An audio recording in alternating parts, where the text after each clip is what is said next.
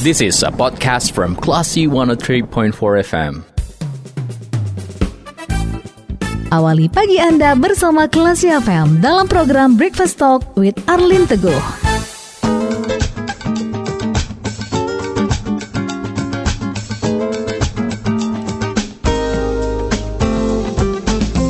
Dari Bumi Karang Putih Darung Padang, menurut for Kelas FM, this is the actual radio. Assalamualaikum, selamat pagi, apa kabar Kelas People?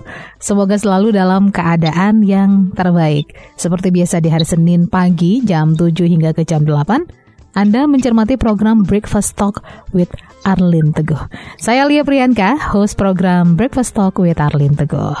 Nah, topik pagi ini adalah hmm, sesuatu yang seharusnya sering kita lakukan ya. Topik kita habit adalah kunci.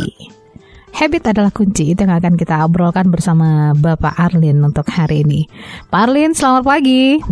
Selamat pagi Mbak Lia dan Crazy People dan semua yang mendengar di pagi hari ini. Semoga seluruh kebahagiaan, kedamaian, kesejahteraan dan hal-hal baik menyertai diri Anda sedari pagi ini.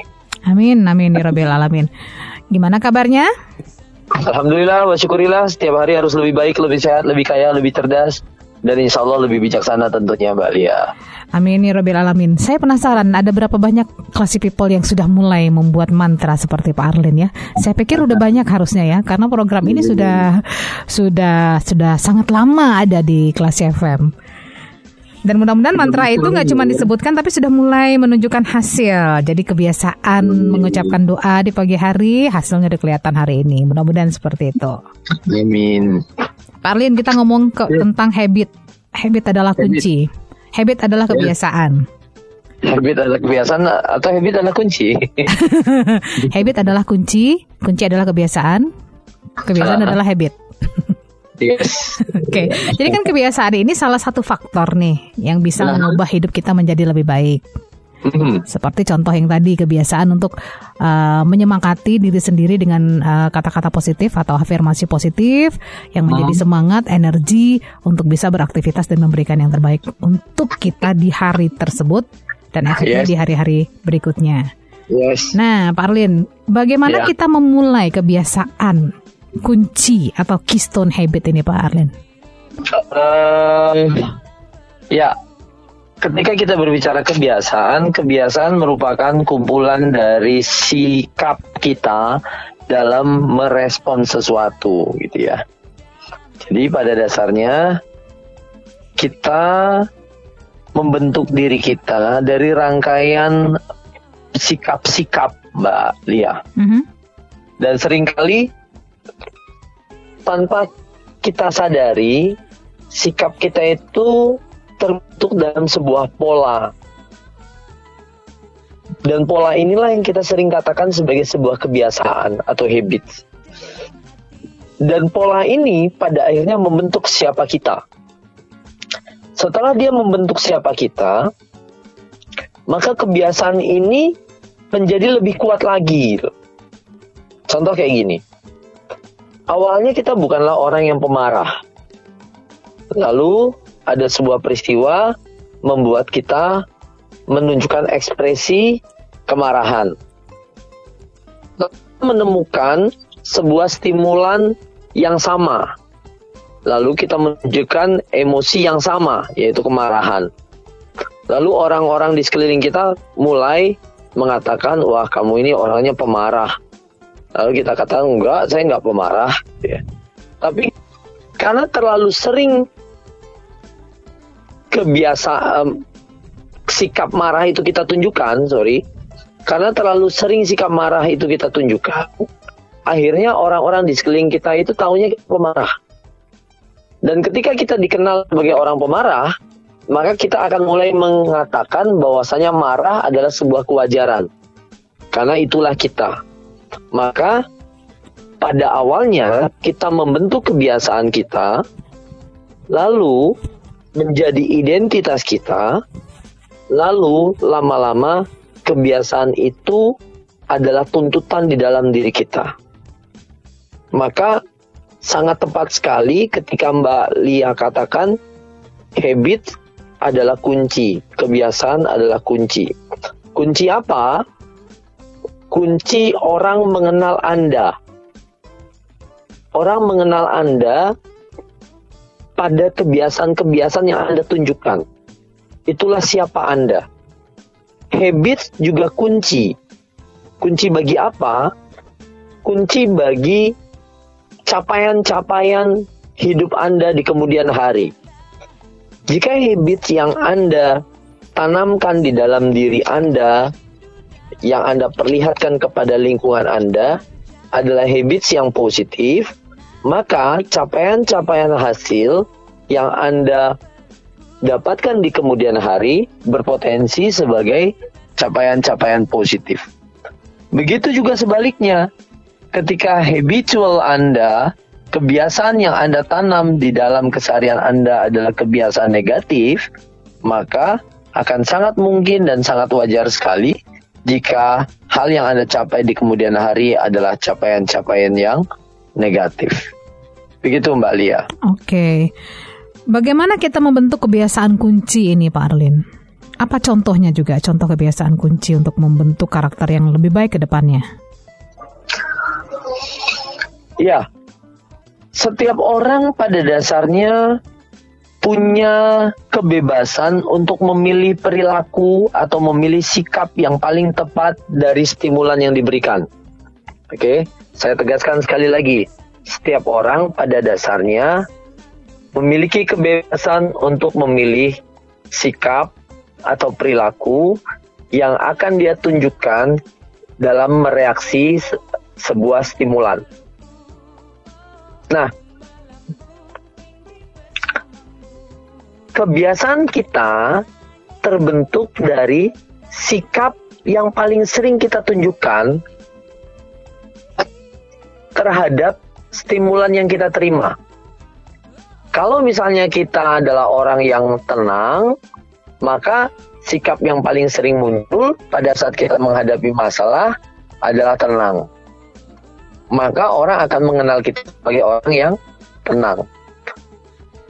Jika kebiasaan kita kebiasaan-kebiasaan positif, maka orang mengenal kita sebagai orang yang positif. Nah, kita terbentuk sebagai orang yang positif, identitas kita positif. Oleh karena itu, membentuk kebiasaan diawali dari kemampuan memilih sikap, Mbak Lia.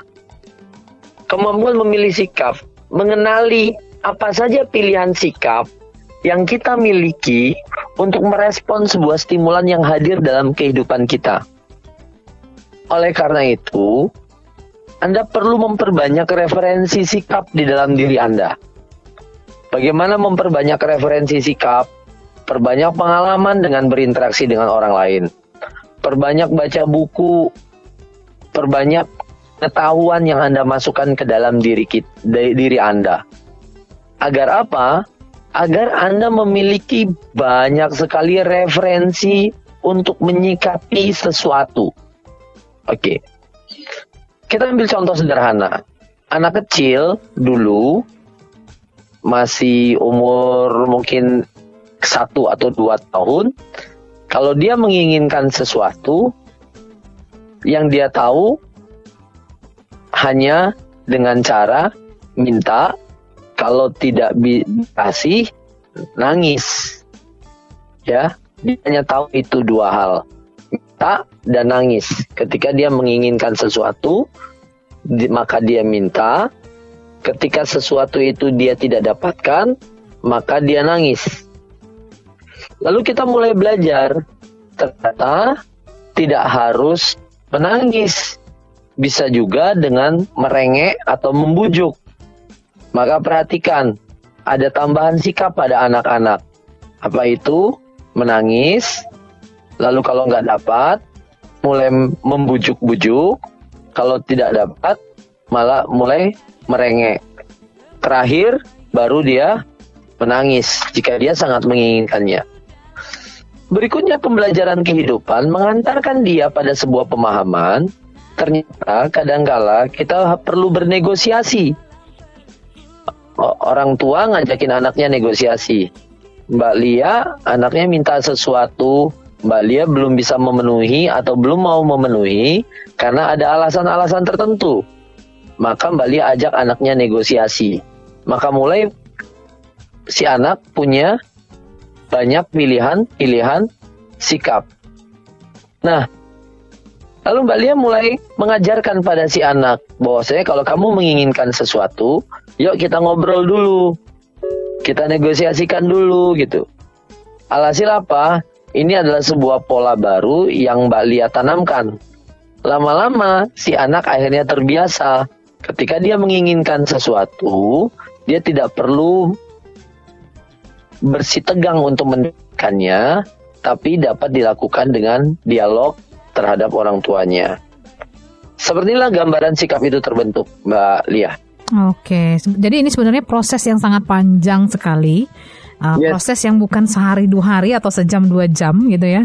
Tapi yes. ini proses yang yang bahkan mungkin nggak disadari oleh si uh, seseorang itu ya, Pak Arlin ya. Kalau dan tiba-tiba ketika dia sudah menjadi uh, cap dan kebiasaan, akhirnya oh ternyata ini sudah dimulai di sejak dulu dan akhirnya orang menilai karakter kita dari kebiasaan yang tersebut gitu loh. Tepat sekali Mbak Lia, tepat sekali ambil contoh saja, kalau misalnya hari ini saya tanyakan pada Mbak Lia atau kita tanyakan sama-sama kepada setiap orang yang kita kenal, apa karakter utama yang melekat pada dirimu menurut pendapat orang lain, misalnya? Mm-hmm. Oh, saya ini orang penyayang. Mm-hmm. Kalau ditanya sejak kapan penyayang itu melekat pada dirimu, dia nggak bisa jelaskan. Mm-hmm. Dari dulu-dulu udah kayak gitu, dia paling bisa jelaskan seperti itu. Tapi sadarkah kita bahwasanya itu merupakan pengembangan dari kita terhadap sikap yang pilihan sikap yang kita miliki. Nah, ini yang terjadi, Mbak Lia. Saya sangat setuju sekali dengan statement yang tadi. Oke. Jadi sebetulnya habit dan kebiasaan ini adalah tentang bagaimana membangun konsistensi kan, Pak Arlin? Yes. Untuk makna sebuah yang positif? Yang, mm -hmm. ya, sebuah sikap yang tunjukkan secara konsisten ya sebuah respon yang Anda tunjukkan secara konsisten terhadap stimulan yang konsisten pula, maka inilah yang terbentuk menjadi sebuah kebiasaan. Mm-hmm. Gitu. Dan menariknya Mbak Lia, kebiasaan itu adalah sesuatu yang memudahkan otak kita dalam memilih respon. Ya, dalam memilih respon. Contoh sederhana Mbak Lia, saya sering bertanya kepada teman-teman, saya yakin sekali, seyakin-yakinnya, di dalam lemari pakaian Anda itu terdapat 20 sampai dengan 50 style pakaian. Benar? Mm -hmm. Yang pasti pakaian Anda cukup banyak gitu ya. Tapi apa yang terjadi? Ternyata kalau Anda cek di tumpukan cucian Anda atau di tumpukan setrikaan Anda, anda punya kecenderungan pakaian yang digunakan pada minggu-minggu dua minggu sebelumnya atau seminggu kemarin adalah pakaian yang juga Anda gunakan pada minggu ini. Jadi itu ke itu aja itu sebenarnya. Itu, itu kecenderungannya, kecenderungannya. Begitu Anda membeli satu pakaian baru, ada satu pakaian lama yang mulai Anda jarang lagi gunakan. Iya benar. Yes, ya. Kenapa begitu? Karena memang otak kita itu nggak mau ribet, Mbak. Mm-hmm. Otak kita itu maunya sederhana. Otak kita itu maunya simple. Maka memori yang akan diambil di oleh otak kita adalah memori yang paling dekat. Apa yang saya maksud memori yang paling dekat? Mana yang paling mudah dicapai? Itu tentunya yang terinstal pada pikiran pikiran jangka pendek, gitu ya, atau pada pikiran-pikiran sadar. Nah, tapi itu tertanam di dalam diri kita. Begitu kurang lebih Mbak Alia. Oke, baik. Kita break dulu Pak Arlin. Yes. Nanti kita akan lanjutkan lagi ngobrol tentang habit adalah kunci ya di sesi berikutnya. Jadi untuk Anda Classy People jangan ke mana-mana. Tetap di 103,4 Kelas FM dalam program Breakfast Talk with Arlin Teguh. This is a podcast from Classy 103.4 FM. Awali pagi Anda bersama Classy FM dalam program Breakfast Talk with Arlin Teguh.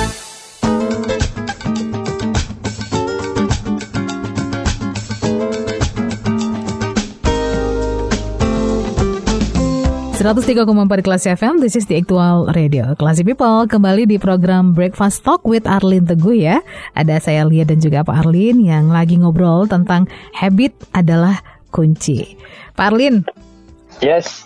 Bagaimana irisan antara habit dan karakter kalau menurut Bapak?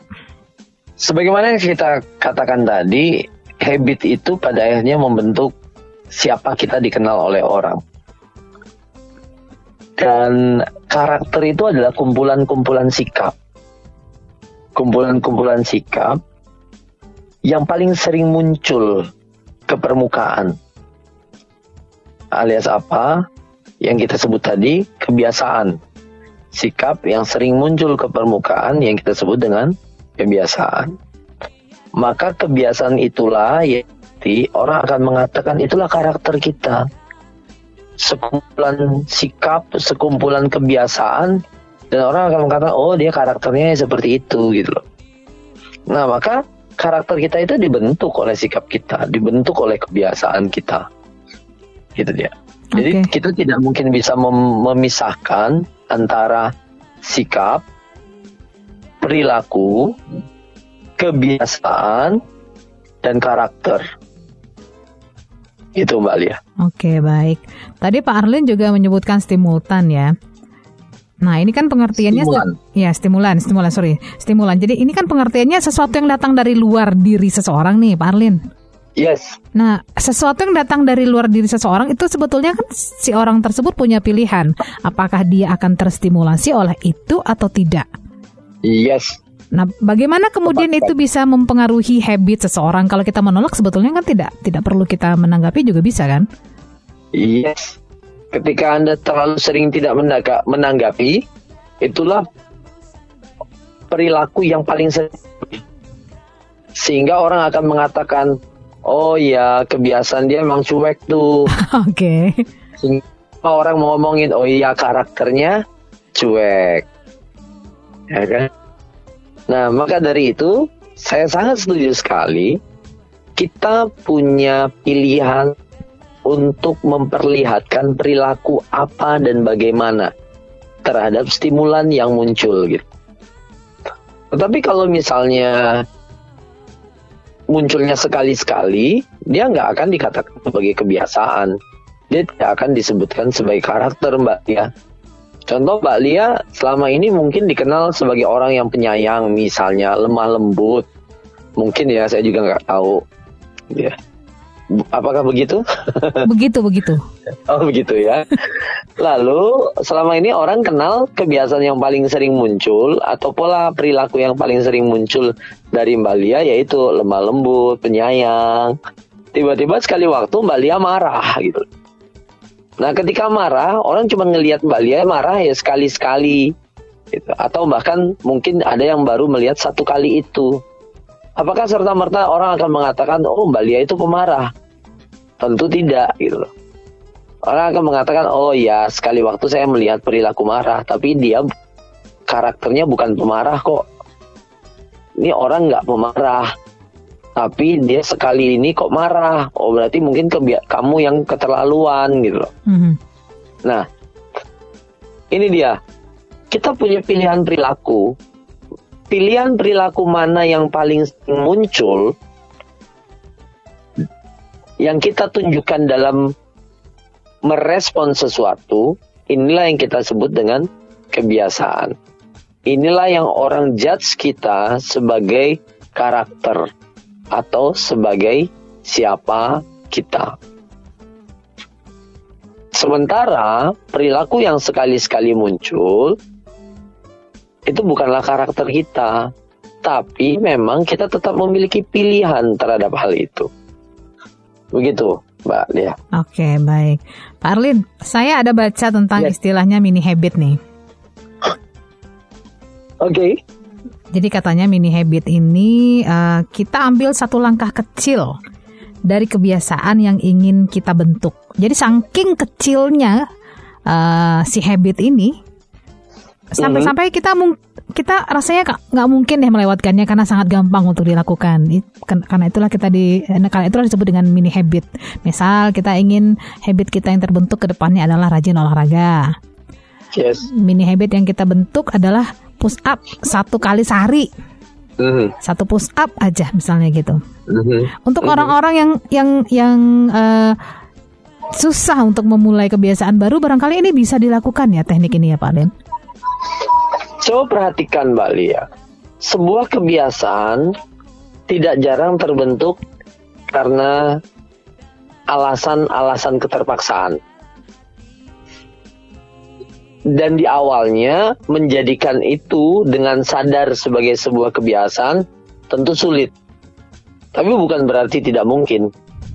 Contoh sederhana, saya yakin sekali setiap Anda tidak nyaman ketika diwajibkan untuk menggunakan masker di luar rumah. Yang gerah lah, yang panas lah, yang sumpek lah, yang susah nafas lah gitu ya. Tetapi ternyata Anda melihat orang-orang di sekeliling Anda begitu. Mereka menggunakan masker. Berapa sering masker Anda terlupa ketika mau meninggalkan rumah? Tapi perhatikan hari ini apa yang terjadi. Begitu diri Anda menyadari bahwasanya masker adalah sesuatu yang penting, pada akhirnya Anda membiasakan hal itu. Gitu. Ketika itu sudah menjadi kebiasaan Anda, Anda nyaris tidak lagi melupakan masker yang Anda butuhkan. Bahkan, kadangkala Anda merasa serisi sendiri atau merasa tidak nyaman kalau Anda ketinggalan masker atau kalau masker itu tidak ada. Ini adalah bagian dari mini habit juga sebetulnya. Lalu apalagi? mencuci tangan atau menyemprot tangan kita sendiri dengan desinfektan atau penggunaan desinfektan pada tangan. Dulu mungkin ada ada desinfektan pun ada cuek-cuek saja gitu. Bahkan dari dulu yang namanya hand gel yang pencuci tangan tanpa air itu, yang gel di tangan itu sudah dijual bebas dari dulu. Tapi kita tidak gunakan. Kenapa? Karena kita masih merasa belum ada urgensinya. Kita belum memiliki kebutuhan akan hal itu. Sampai dengan dunia mengalami pandemi, kita mulai merasa harus jaga kesehatan. Kita mulai merasa perlu menjaga diri kita, menjaga lingkungan kita, menjaga keluarga kita. Lalu Anda mulai beli hand gel. Ke mana-mana Anda bawa. Bahkan hari ini sering kali ketika Anda lihat ada kotak hand sanitizer di mana pun Anda ambil untuk membersihkan tangan Anda. Mm-hmm. Itu menjadi kebiasaan. Mm-hmm. Maka kebiasaan itu awalnya sangat wajar atau sangat lazim jika dibentuk dengan keterpaksaan. Begitu Mbak Lia. Apalagi jika ada support system ya. Yes, yes. Apalagi begitu Anda dengar yang tidak pakai masker didenda 250 iya. ribu masuk penjara satu malam. Iya. Aduh konyol banget gitu ya. Akhirnya ya iya. udahlah kita paksa diri kita untuk selalu bawa masker ke mana-mana dan menggunakannya dengan yes. benar. Yes. Oke. Kalau begitu sebetulnya kenapa kita uh, bisa gagal membentuk kebiasaan baik Pak Arlin? Tidak adanya alasan yang kuat untuk memasukkan perilaku itu ke dalam diri Anda. Mm -hmm. Oke. Okay? Ketika orang memiliki alasan yang sangat kuat kenapa saya harus begitu, maka kebiasaan itu akan terbentuk.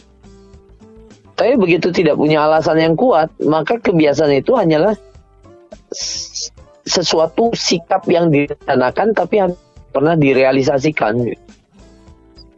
Ini sam, hampir sama persis peristiwanya dengan setiap resolusi yang Anda buat. Iya. Saya baru mau ngomong itu, Pak. Iya.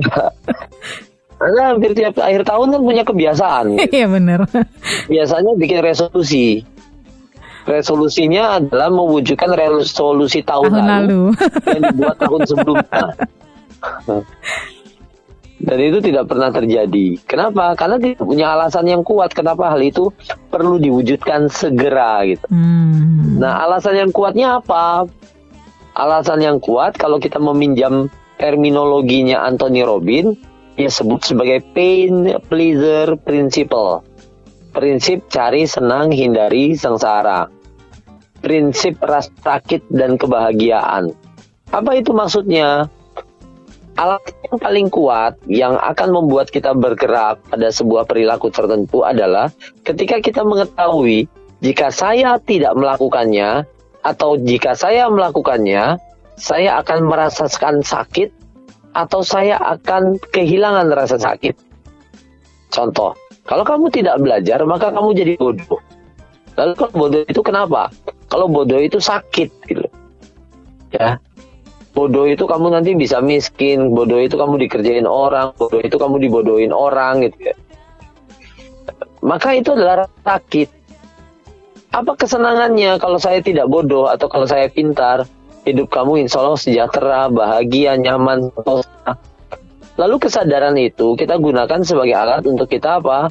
Memotivasi kita belajar. Semakin tinggi tingkat kesadaran itu, maka semakin mudah untuk menanamkan sebuah sikap menjadi kebiasaan. Tetapi ketika kesadaran itu tidak ada, Mbak Lia, Mhm. uh, misalnya kalau saya tidak belajar ya nggak masalah. Kalau saya nggak belajar juga hidup saya aman-aman saja.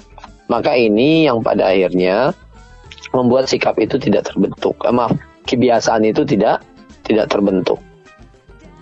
Oke, Begitu. ada ada willpower di sini ya seharusnya ya. Yes, yes, Kalau willpowernya besar, biasanya eh, hasilnya cepat didapatkan, prosesnya juga lebih gampang nih, Pak Arlin. yes. Oke. Dan kalau boleh bercerita sedikit Mbak Lia, Mhm. di Pariaman itu ada sekolah tinggi ilmu beruk. Sekolah tinggi ilmu beruk. Iya, Hmm, Oh. oke. Dan itu beneran Manjat- ada untuk loh. ngambil kelapa nih ceritanya ya. Yes, sekolah tinggi beruk, mana ber, para beruk dilatih di karantina dalam waktu beberapa bulan untuk dilatih mengambil kelapa. Dan mereka punya kurikulum. Nah, mereka punya kurikulum. Tapi menariknya, si beruk itu dia nggak multitasking, Mbak Lia. Mhm. Apa maksudnya? Kalau beruk itu dilatih sejak awal untuk mengambil kelapa tua, ya dia cuma bisanya ngambil kelapa tua. Dia nggak bisa ngambil kelapa muda. Oh, Oke. Oke. Kenapa begitu? Karena beruk tidak dilatih dengan menggunakan otak. Tapi dilatih dengan kebiasaan.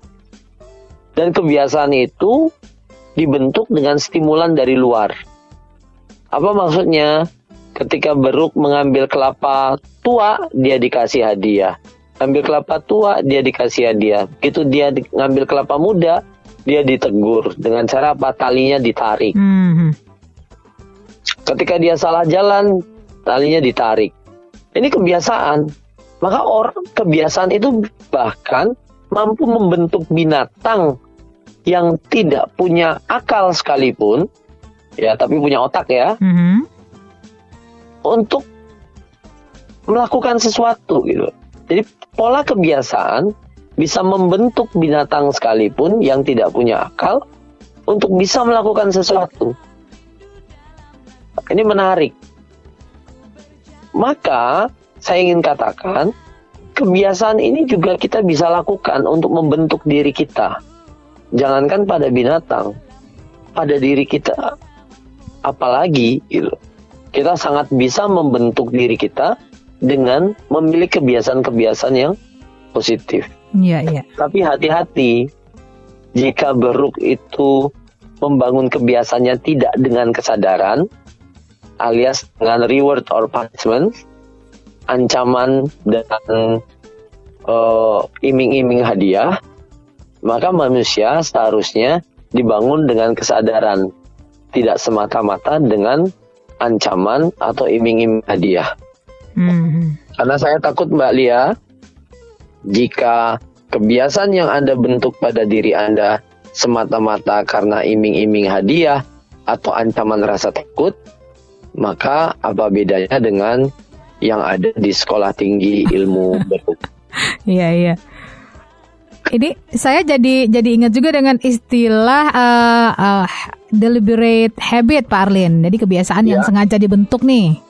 Yes, Mungkin dari dari kecil kita nggak biasa membaca, tapi kemudian ketika berada kita berada di suatu posisi mungkin atau berada di suatu pekerjaan yang menuntut kita Yes. untuk terus mengupgrade diri kita dengan cara membaca, akhirnya kita harus membentuk kebiasaan baca tadi. Nah, bukan Yes. berarti berarti ini apa yang jelek atau kebiasaan-kebiasaan yang terjadi di masa lalu kita sebetulnya bisa kita rubah kan? Kita bisa pilih nih. Kita choose yang mana yang mau kita buang, kita choose yang mana yang mau kita bentuk baru. iya, pas banget. Karena kita dibentuk oleh kebiasaan kita, karena kita dikenal sebagai apa yang paling sering kita tunjukkan atau kebiasaan itu tadi, maka jika Anda ingin dikenal sebagai orang yang positif, baik, hebat, luar biasa, berdaya, dan seterusnya, maka perlu belajar untuk memilah dan memilih di antara kebiasaan-kebiasaan saya yang saya miliki, manakah yang support terhadap identitas yang ingin saya bangun. Maka pilih dan pilih Mbak Lia. Oh ini ternyata nggak support dengan identitas yang saya ingin bangun. Maka kebiasaan ini perlu dibuang, dihilangkan gitu. Oh kalau misalnya saya pengen jadi pengusaha itu, maka saya tidak boleh malas-malasan maka kebiasaan malas itu perlu dihilangkan, dibuang, dan seterusnya. Yes. Oke, baik kita break lagi Pak Arlin. Iya. Nanti kita lanjutkan obrolan kita di sesi terakhir di program Breakfast Talk with Arlin Teguh bersama saya Lia dan juga Pak Arlin Teguh ya. Topik kita kali ini adalah habit adalah kunci. This is a podcast from Classy 103.4 FM. Awali pagi Anda bersama Kelas FM dalam program Breakfast Talk with Arlin Teguh.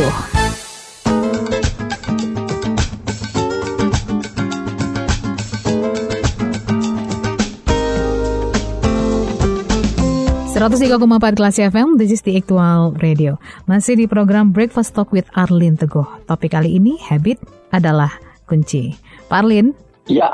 Saya mau tahu, apa habit kunci Pak Arlin yang membentuk Bapak hari ini? Ini pertanyaan sulit. Iya. Karena sering kali sebuah kebiasaan itu terinstal pada pikiran bawah sadar kita dan menyatu dengan keseluruhan perilaku keseharian kita. Sehingga sering kali kita nggak sadar bahwasanya itu adalah habits kunci. Tapi saya punya beberapa kebiasaan Mbak Lia hmm. yang menurut saya ada bagian yang membentuk saya hari ini. Oke, okay. bisa di-share? Apa itu? Yang pertama adalah kesadaran akan tanggung jawab. Mm-hmm. Oke, okay. responsibility. Gitu. Kesadaran akan tanggung jawab ini membentuk diri kita sebagai pribadi yang tidak mudah menyalahkan orang lain, berani mengambil keputusan, berfokus pada capaian-capaian personal. Oke, okay. lalu apalagi kebiasaan saya berikutnya adalah kebiasaan belajar mengupgrade ilmu gitu ya baik dengan cara membaca buku, bertemu guru, berdiskusi dengan teman, ya, eh, berbagi pikiran, ya. Saya tidak mau bertukar pikiran, Mbak Lia. Mm -hmm. Saya maunya ber berbagi pikiran. Kalau bertukar pikiran itu agak riskan, Pak. Iya, belum tentu hasilnya oke okay, ya. Pikiran dengan Mbak Lia kan nanti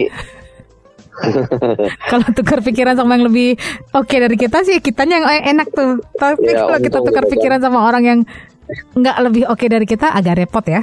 Yes. Jadi berbagi pikiran dan itu adalah beberapa kebiasaan yang saya bangun pada diri saya. Membangun kesadaran tanggung jawab dan mengupgrade pengetahuan, mengupgrade ilmu. Itu yang signifikan saya rasakan membentuk diri saya hari ini. Hmm, oke. Okay. Itu itu terbentuk karena terpaksa atau terbentuk karena kesadaran? Terbentuk pada awalnya secara alami. Lalu mulai secara perlahan saya sadari bahwasanya ini yang perlu saya kembangkan. Maka itu pula yang sehari ini menjadi sebuah kesadaran yang saya kembangkan pada diri saya. Baiklah. Dan ini yang Bapak tularkan ke orang-orang di sekitar Bapak? Yes. Saya selalu katakan pada orang-orang di sekitar saya bahwa kamu punya banyak pilihan untuk berperilaku. Maka bertanggung jawablah dengan pilihanmu. Isi kepalamu dengan ilmu, maka kamu akan memiliki fleksibilitas dalam hidup. Ini yang saya pesan yang saya sering sampaikan, Mbak Lia. Baik, baik. Pak, ketika kita sudah mencoba untuk memetakan uh, potensi diri kita sendiri, kemudian kita cocokkan dengan habit yang kita bangun, habit yang sudah kita punya. tapi kemudian Ya. masih masih belum sampai di titik yang kita tuju. Apa sajasnya, Hmm. Pak?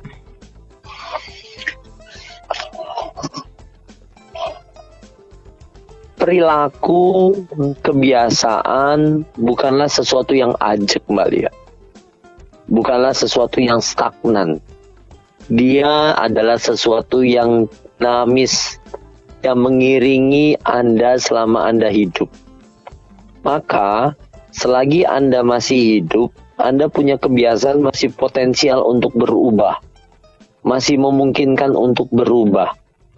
Nah, oleh karena itu, Anda perlu tahu, perlu lihat, kalau misalnya Anda hari ini punya kebiasaan yang ingin Anda tanam, lalu belum juga terinstal dengan baik pada diri Anda dalam kehidupan Anda, mungkin yang tadi kita katakan, alasan yang kuat untuk menciptakan perilaku atau kebiasaan itu pada diri Anda itu belum terlalu kuat. Maka Anda perlu eksplorasi kembali alasan di dalam diri Anda agar alasannya menjadi lebih kuat. Itu mungkin Mbak Lia. Baiklah kalau begitu. Semoga uh, dengan obrolan kali ini kita semua tuh makin tersadarkan gitu ya kalau selama ini ada habit yang ternyata bukan membawa kita ke titik tuju kita di roadmap kita itu harus kita elaborate ya Pak ya harus kita Yes. buang dan kita tambah kita masukkan uh, habit-habit baru yang menjadi kendaraan kita untuk menuju titik sukses kita. Pak Arlin, Yes. silahkan dengan Ya. konklusinya. Uh, topik habit adalah kunci. Ya. Kita dibentuk oleh sikap kita. Sikap yang paling sering Anda munculkan untuk merespon sesuatu pada akhirnya menjadi kebiasaan di dalam hidup Anda. Dalam hidup kita. Kebiasaan-kebiasaan itu pada akhirnya menjadi sebuah judgement di dalam diri kita atau identitas di dalam diri kita yang pada akhirnya inilah kita dikenal orang. Maka jika Anda ingin dikenal sebagai pribadi-pribadi luar biasa, mulai hari ini belajar untuk bersikap dengan sikap-sikap yang luar biasa, kembangkan kebiasaan-kebiasaan yang luar biasa secara konsisten, maka Anda menjadi pribadi yang luar biasa. Mbak Lia. Oke, baik. Terima kasih banyak untuk Yes. sharing luar biasanya Pak Arlin seperti Yes. biasa ya di program Breakfast Talk with Arlin Teguh. Program yang bisa Anda saksikan, Anda cermati setiap hari Senin jam 7 hingga ke jam 8 Classy People. Jangan lupa Anda bisa mendengarkan Radio Classy FM dari mana saja melalui eh, streaming atau juga melalui aplikasi kami bisa di-download dulu di Play Store dan di App Store. Cukup ketik Klasi FM. Jadi kami akan menjadi teman setia Anda di mana pun. Baik Pak Arlin, terima kasih banyak untuk eh, sharing hari ini. Semoga sukses Ya. selalu dan sehat selalu. Yes, dan kita tidak pernah lupa untuk memesankan kepada semua yang mendengar untuk terus berpikir Sederhana. sederhana dan bertindak bijaksana. Oke, baik. Demikian Classy People, saatnya saya Lia Priyanka dan juga Bapak Arlin Teguh pamit. Assalamualaikum, and then see you. Breakfast Talk with Arlin Teguh akan kembali Senin depan jam 7 hingga jam 8 pagi. Simak juga rerun program ini jam 7 hingga jam 8 malam nanti. Hanya di Kelas FM. See you! This is a podcast from Classy 103.4 FM.